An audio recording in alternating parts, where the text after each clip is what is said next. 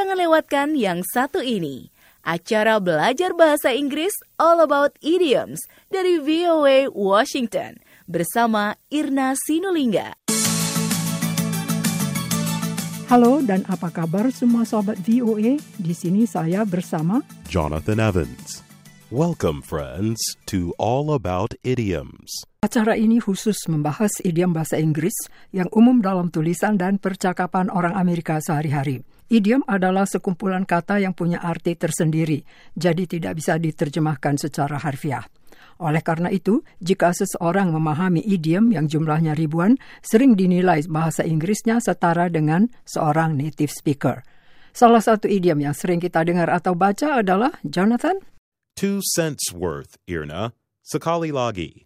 Two cents worth. Artinya, opini atau pendapat yang dikemukakan seseorang tanpa diminta mengenai topik yang sedang didiskusi atau dibicarakan. Two, ejaannya T-W-O artinya dua, cents, ejaannya C-E-N-T-S adalah mata uang terendah nilainya di Amerika. Dan worth, ejaannya W-O-R-T-H, artinya harga atau nilai.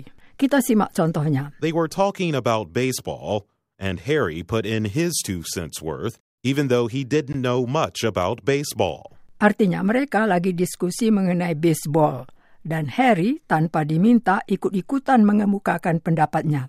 Meskipun tak banyak yang diketahuinya mengenai baseball. Nah, kalau ada orang yang kita kenal seperti Harry, kita bisa memberitahunya begini. If we want your two cents worth, we'll ask for it. Artinya, kalau kami memerlukan pendapat Anda, kami akan memintanya.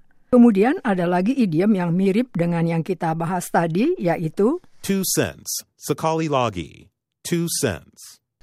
artinya sesuatu yang tidak penting atau yang tak bernilai.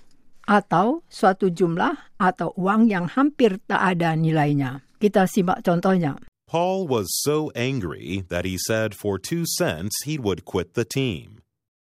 Artinya Paul begitu marah sehingga ia mengatakan dengan alasan sekecil apapun ia akan keluar dari tim tersebut.